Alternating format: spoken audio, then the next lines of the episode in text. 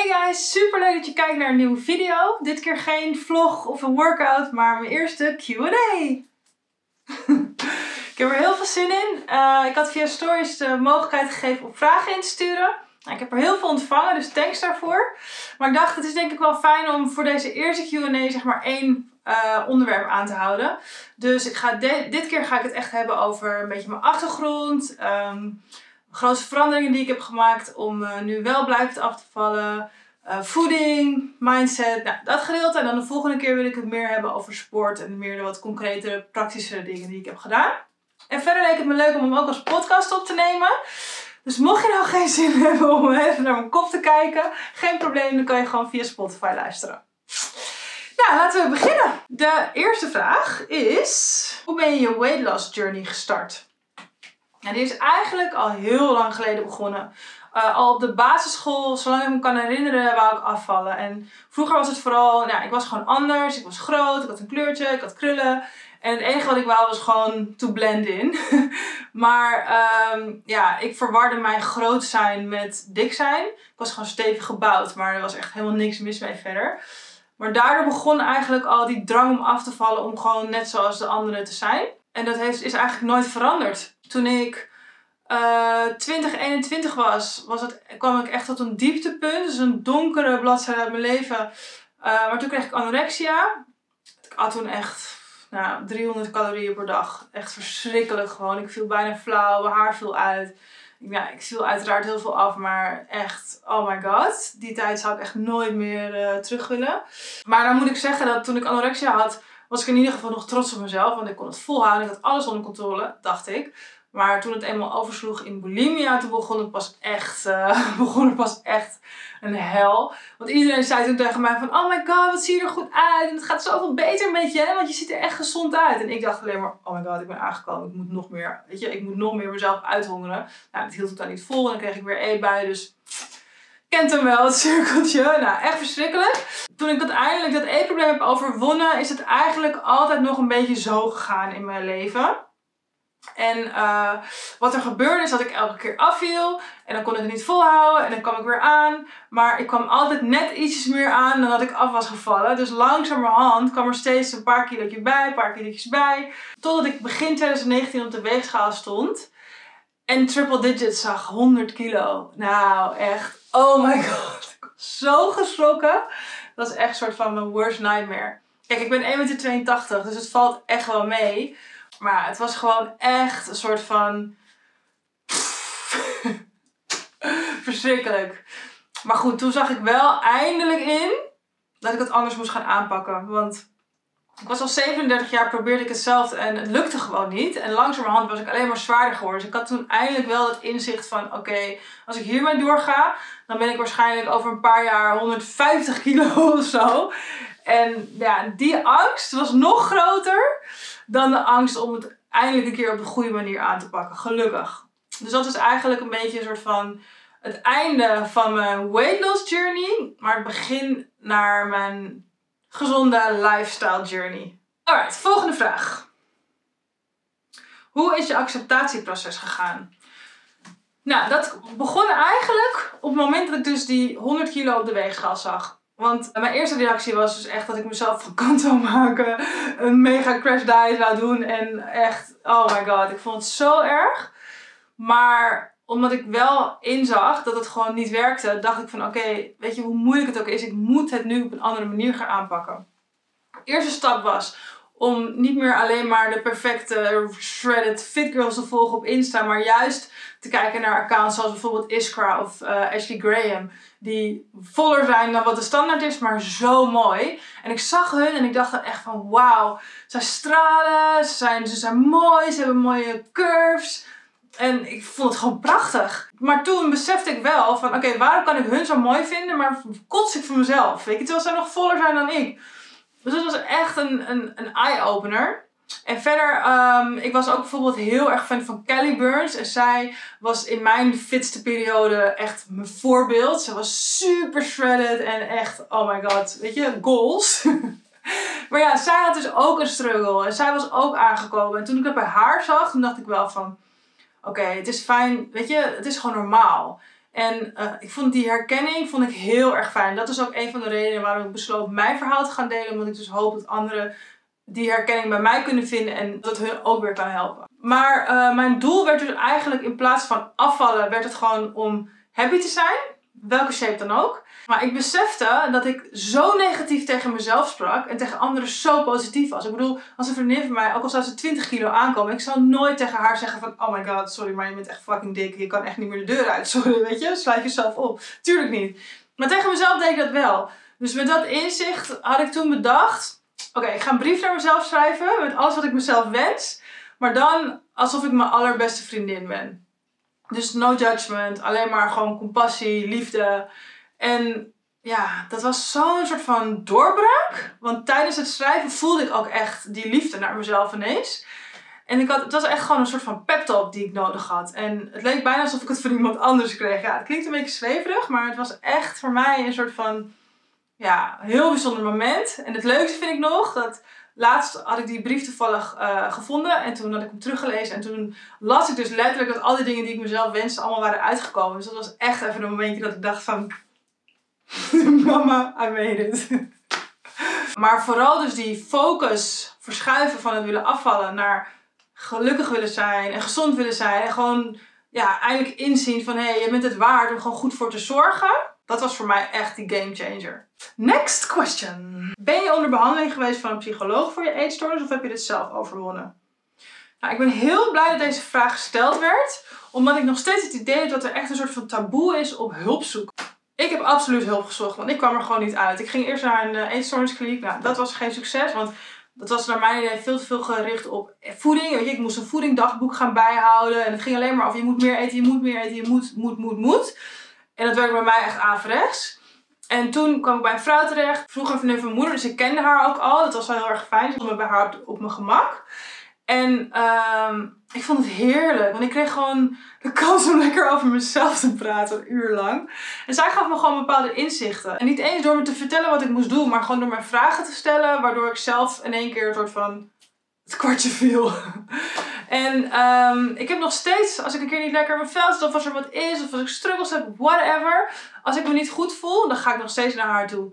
Ook al ben ik super happy. Voor mij is het eigenlijk gewoon een soort van alsof ik naar de gym ga, maar dan voor mijn hoofd. En helemaal met een eetprobleem, omdat het ook nog eens zo schadelijk kan zijn voor je gezondheid. Mocht je er echt mee struggelen en heb je het idee dat je er niet uitkomt, weet je, echt alsjeblieft zoek hulp, want je hoeft het niet alleen te doen. Want ik kan me nog herinneren toen ik een eetprobleem had, echt, het voelde gewoon alsof ik alleen was op de wereld, want niemand snapte mij. Ik had gewoon die, ik had zo'n missie, zo'n drive om af te vallen. En voor anderen was het allemaal van, pff, doe het gewoon normaal. Je kan het gewoon normaal eten, weet je. Wat stel je aan? Maar niemand snapte dat het voor mij gewoon echt letterlijk... Ik, ik heb nog een dagboek teruggevonden en ik schreef letterlijk... Ik ben liever dood dan dik. Heel heftig om terug te lezen achteraf. Echt, ik had gewoon tranen in mijn ogen toen ik, het allemaal, toen ik las wat ik allemaal schreef. Maar het is niet iets wat je moet onderschatten, weet je. Dus als iemand anders jou nou net eventjes die inzichten kan geven waar je zelf niet uitkomt... dan zou ik absoluut het een kans geven. Alright, de volgende vraag. Hoe heb je je eetbuien onder controle gekregen? De volgende vraag sluit daar een beetje bij aan. Dus ik dacht, ik doe hem eventjes twee in. Hoe heb je geleerd om één stukje chocola te eten in plaats van een hele reep? nou, ik moet zeggen dat ik af en toe nog steeds moeite daarmee heb. En dat ik af en toe nog steeds gewoon een hele reep chocola eet. Of een heel pak tompoesen. Of allebei. Dus um, ja, ik denk ook wel dat als je een eetprobleem achtergrond hebt, dat het altijd een soort van zwak zal zijn. Maar hoe je ermee omgaat, dat is wel iets wat je kan leren. En bij mij is het nu zo, ik zie een eetprobleem echt als een alarmbel. Dus als ik merk dat ik heel erg extreme cravings heb, of dat ik alleen maar denk van, oh, ik moet eten. En alsof het de hele tijd zo in je hoofd zit, dan weet ik gewoon, er is iets aan de hand. Het kan zijn dat ik te weinig heb gegeten. Uh, het kan zijn dat mijn hormonen van slag zijn. Uh, het kan zijn dat ik stress heb, of dat ik moe ben, of whatever. Maar ik weet dat er iets aan de hand is. Dus wat ik nu doe, is gewoon, in plaats van denken, je mag niet eten, uh, weet je, dan Soms geef ik er gewoon een beetje aan toe. Maar dan ga ik wel nadenken van oké, wat is er dan? Weet je, dan neem ik echt eventjes de tijd om gewoon soort van naar mezelf te kijken van, weet je, what's going on? En ik merk gewoon dat uh, vroeger als ik dan zo'n eetbui had gehad, dan dacht ik echt, oh my god, ben je een fucking loser. En weet je, schaam je en kijk naar hoe dik je bent. En dan voelde ik me super kut. En doordat ik me kut voelde, ging ik nog meer eten. Dus dan nou, kom je in zo'n cirkeltje terecht. En nu, als ik een keer dus inderdaad meer heb gegeten dan dat eigenlijk de bedoeling was, dan denk ik echt van, Nou, weet je, blijkbaar heb je het even nodig. Ik hoop dat je ervan genoten hebt. Morgen gaan we gewoon aan de slag. En nou, weet je, dan ligt het achter je en pak gewoon de draad weer op. Dan is er helemaal niks aan de hand. En als je één keer een avondje te veel eet, nou, dan kom je echt niet meteen 10 kilo aan. Weet je, zelfs niet als je twee of drie avonden te veel eet. Dus Weet je, nu weet ik het gewoon te relativeren en, en zorg ik ervoor dat het me niet frustreert en dat ik me niet anders ga voelen over mezelf. Sterker nog, vroeger ging ik mezelf haten door eetbuien. Nu is het juist een soort van reminder van hé, hey, wees lief voor jezelf. En je hebt het echt eventjes nodig om gewoon goed voor jezelf te zorgen. Ja, dus dat is wel echt een hele grote verandering. En wat betreft dat stukje chocola in plaats van een hele reep. Ehm, wat mij heel erg helpt, is dat ik alternatieven zoek. Dus bijvoorbeeld, uh, nou, ik hield heel erg van chips altijd. Ik kon echt zakken gewoon verslinden. maar tegenwoordig eet ik best wel vaak airfryer patat. Nou, dat is natuurlijk veel gezonder. Maar het is wel eigenlijk een beetje dezelfde smaak. Dus omdat ik dat, soort, dat eet, heb ik gewoon veel minder behoefte aan chips. En hetzelfde heb ik bijvoorbeeld met ijs. Als ik heel erg trek heb in ijs, vroeger altijd aan Ben Jerry's, die met, die met die ijsberen en marshmallows en whatever. Nu neem ik dan gewoon een light variant. Of ik eet bijvoorbeeld Oppo of Halo Top of zo, weet je. Nou, het is zo lekker. En misschien ietsjes minder lekker, maar echt, geloof me, je krijgt alsnog gewoon dat gevoel van, mm, even lekker een ijsje eten. En het scheelt gewoon zoveel in calorieën. Ja, hetzelfde met pizza. Als ik heel erg trek heb in pizza, dan maak ik een tortilla pizza, weet je. En tuurlijk, er zijn dagen dat je gewoon de real deal wilt, weet je. Dan wil ik gewoon tompoesen en vier ook. maar normaal gesproken, dan helpt het wel echt heel erg als je gewoon zorgt dat de dingen die je eet gewoon echt heel lekker zijn. Dan kan je daar ook bijvoorbeeld, ik zoals bijvoorbeeld mijn karameltoetje. Nou, volgens mij dat de hele wereld inmiddels weet dat ik daar heel erg gek op ben. maar ik kan daar dus me echt gewoon de hele dag op verheugen. Dat ik dan denk van, oh, vanavond ga ik lekker op de bank zitten. Ga ik een filmpje kijken of whatever. Dan heb ik mijn, mijn karameltoetje. Het zorgt er ook voor dat ik de rest van de avond dan niet die extreme craving heb. Want ik weet, ik ga straks lekker mijn toetje eten. Dus, weet je, zorg ervoor dat je niet uh, gaat leven op water en sla. En dat je het gewoon gevarieerd en lekker houdt. Dan wordt het echt een stuk makkelijker. Alright, volgende vraag. Uh, wat is de beste manier om de weegschaal los te laten? Ik merk dat ik obsessief bezig ben. Heel herkenbaar. de weegschaal was voor mij, net zoals dat ik naar het weerbericht keek om te zien wat voor weer het werd, stond ik op de weegschaal om te zien wat voor uh, mood ik had die dag. Het was echt verschrikkelijk. Ik kon soms in de spiegel kijken en dan keek ik naar mezelf en dacht ik, oh, ik zie er echt goed uit. Mijn buik is een beetje platter, weet je, mijn gezicht ziet er goed uit. Ja, dat is feeling myself. En ging ik op de weegschaal staan en dan was ik bijvoorbeeld een kilo aangekomen. Nou, oh mijn god. Dan was het alsof de wereld gewoon in elkaar stortte. en dan ging ik terug naar de spiegel. En dan vervolgens keek en dacht ik, ja, nee, ik zie het inderdaad. Oh, die vetrol en oh, de cellulitis, die benen. Nou, weet je, trek mijn joggingpak aan hoor. Dit kan echt niet. Zo gestoord.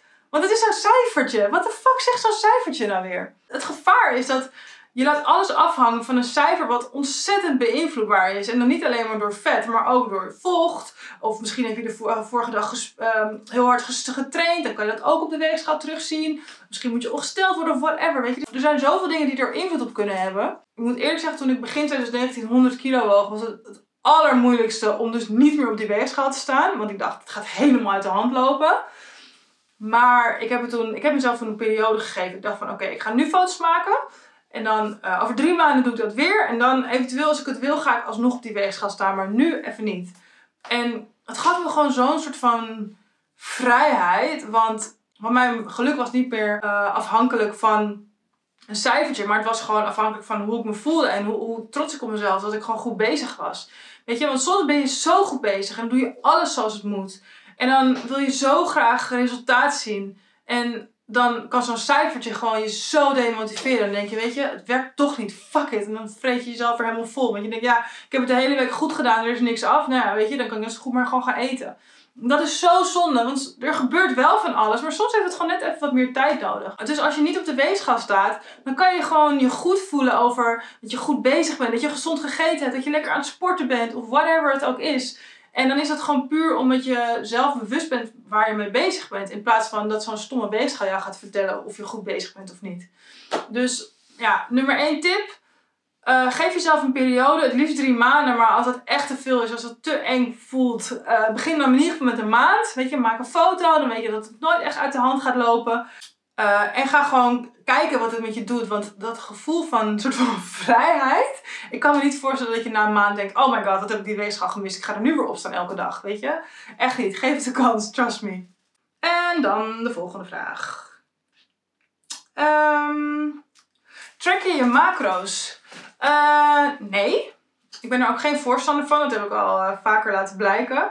Ik heb namelijk een periode gehad dat ik een dieet volgde en echt alles moest tracken. En voor mij was dat echt een enorme trigger om ja, weer dat obsessieve gedrag te krijgen. En toen ik eenmaal klaar was met het dieet, dacht ik echt, ik wil nooit meer koken. Ik wil nooit meer iets tracken. En ik was helemaal anti geworden. Dus voor mij werkt het totaal niet. Maar wat ik wel doe, is één keer in de zoveel tijd eventjes uh, een dagplanning maken, een soort van dagminuutje om te zien of ik goed bezig ben. Omdat ik het wel belangrijk vind om af en toe even te checken dat ik op de goede weg ben. Ik zal een voorbeeld geven. Uh, ik was helemaal in mijn gezonde flow. Ik was lekker salade aan het eten. Ik had de salade van de appie gehaald. En ik dacht, yes, oké, ik ben goed bezig. Ik had geen zin om te koken, maar weet je, ik eet een salade, dus I'm good.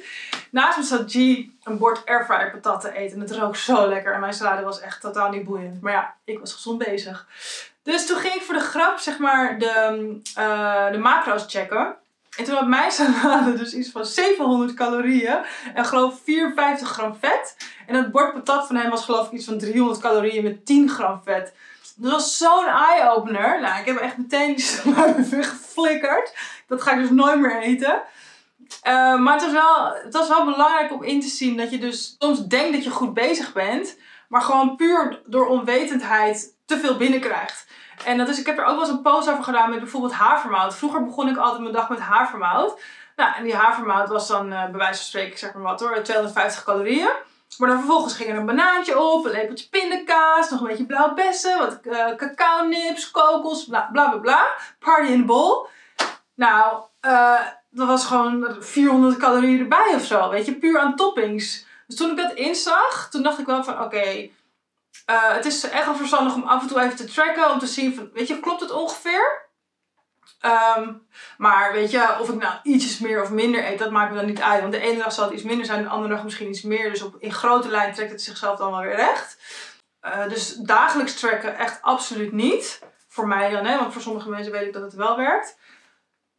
Um, ik vind het belangrijker om gewoon te focussen op um, dat ik zeg maar gewoon gezond eet en gewoon lekker voel. En als, dat, als dat zo is, dan kunnen die macro's mij niet zo heel veel boeien. Hoe haal je proteïneopname per dag? Nou, dat is dus een van de redenen waarom ik af en toe mijn macro's wil trekken. Omdat ik uh, eiwitten heel lastig vind. Ik kan niet goed tegen ei. Dat is een uh, souvenirtje uit mijn uh, fitte periode toen ik elke dag vier eieren at. Toen heb ik een intolerantie opgebouwd en dat gaat helaas nooit meer weg. Dus nou, ei kan ik niet tegen. Ik kan ook niet goed tegen lactose. En ik probeer zoveel mogelijk vegetarisch te eten. Dus kip, wat ik vroeger altijd at, dat eet ik ook niet meer. Tenzij ik bijvoorbeeld uit eten ga of whatever, maar in ieder geval niet dagelijks. Um, dus het is best wel een uitdaging. Wat wel helpt is dat ik nu vegan uh, proteinpoeder eet. Dus daar begin ik elke dag mee. Dus dan heb ik in ieder geval al uh, aardig wat binnen. Nou, ik heb natuurlijk mijn karameltrucje. Dat is ook high protein. ik probeer zoveel mogelijk bijvoorbeeld high protein ijs te eten en zo. Nee, maar um, in groenten en zo zit ook heel veel, uh, zitten ook best wel veel eiwitten. Dus ja, daarom is dus bijvoorbeeld zo'n app als mijn fitnesspel heel handig. Want dan kan je precies zien hoeveel eiwitten je nog tekort komt. En dan kan je daar een beetje mee gaan sleutelen. Ik denk van oké, nou ik moet misschien iets meer van dat doen of iets minder van zus. Um, dus dat is heel fijn. En uh, wat ik ook echt een super goede tip vind. Hanna heeft een uh, boek uitgebracht, High Protein. Het zijn allemaal super lekkere gerechten, maar wel gezond en heel hoog in proteïne. Dus daar kijk ik ook heel vaak in om inspiratie op te doen. Dus soms maak ik gewoon een recept, zeg maar, echt precies zoals het erin staat. Maar soms maak ik er gewoon een beetje, geef ik er een beetje mijn eigen draai aan. En ja, is het heel fijn om zeg maar op bepaalde ideetjes uh, op te doen. Dus dat is ook iets. En uh, je kan ook altijd online heel veel recepten vinden en zo. Dus ja, daar ben ik soms ook echt wel mee bezig. Dat ik denk van oké, ik ga eventjes een paar wat uh, leuke recepten opzoeken. En dan ga ik daar dan weer een beetje mee aan de slag. En dan maak ik er mijn eigen ding van. En dan de laatste vraag alweer. Wat is de grootste verandering in hoe je eet? Um, de grootste verandering is dat ik in plaats van te kijken naar wat ik niet mag, kijk naar dingen die ik wel wil eten. Dus in plaats van, oké, je mag geen chocola, je mag geen suiker, kijk ik naar, oké, je moet minimaal 500 gram uh, groente per dag eten. Of je moet minimaal 3 liter water drinken, of whatever. Uh, je moet op zijn minst zoveel gram eiwitten binnenkrijgen. En omdat ik dan ten eerste positief bezig ben, helpt het mij om gewoon in een lekkere mindset te zitten. En ik heb niet het hele gevoel dat ik iets niet mag.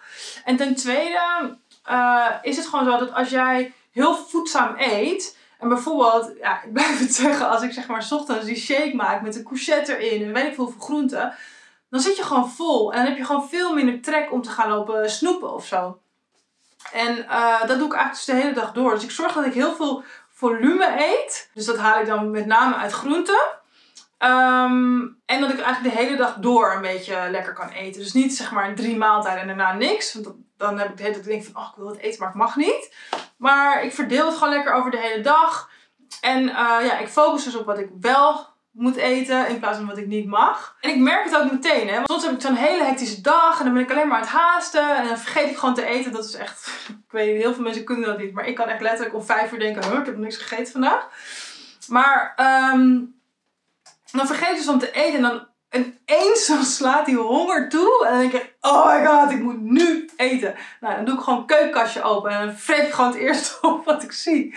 Dus dat soort momenten moet je voorkomen. En als ik dus zorg dat ik de hele dag door gewoon lekker aan het eten ben. Ja, dan heb ik niet die, die, die cravings of zo. Maar dan is het gewoon meer van, oh weet je, ik heb wel wat trek in wat lekkers. En dan ga ik gewoon weer eventjes wat maken. Um, wat ook belangrijk is, is zorg dat ik altijd dingen in huis heb die ik kan eten als ik trek heb. Dus bijvoorbeeld crackers vind ik altijd fijn, want dan kan ik even snel een crackertje eten. Uh, of nootjes. Als ik heel erg trek heb in iets zoets, dan uh, eet ik bijvoorbeeld een split ijsje. Vind ik heel lekker. Of ja, weet je, ik maak een extra proteïne shake. Weet je, dat vult ook heel erg. Dus voordat ik echt grijp naar uh, een reep chocola of whatever, dan kijk ik eerst eventjes naar een ander alternatief. En op die manier benader je ten eerste gewoon heel positief. En ten tweede voelt het gewoon niet alsof je op dieet bent of dat je van alles niet mag. Want ja, in ieder geval bij mij werkt het zo. Op het moment dat ik iets niet mag, dan wil ik het juist. dus dat heb ik gewoon losgelaten. Dus nu kijk ik gewoon naar wat ik wel mag. Nou, dat was alweer het laatste antwoord. Ik hoop dat jullie er wat aan gehad hebben. En inderdaad misschien die herkenning kunnen vinden waar ik het eerder over had. Er zijn nog genoeg vragen die ik niet heb kunnen beantwoorden vandaag. Dus ik ga zeker nog een volgende Q&A opnemen. Mocht er nu al een brandende vraag zijn waarvan je denkt, oké, die moet je beantwoorden. Je kan me altijd DM'en of even een reactie achterlaten. En uh, verder, mijn DM staat altijd open. Dus als je het hebt gehoord en je denkt van, oh my god, ik herken dit zo. En ik wil even met iemand uh, erover praten. Ik wil even mijn ei kwijt. Feel free, stuur me een berichtje en uh, ik ben er voor je. Nou, ik zie je de volgende keer weer. Misschien met een vlog, misschien met een workout, who knows. Maar um, tot snel.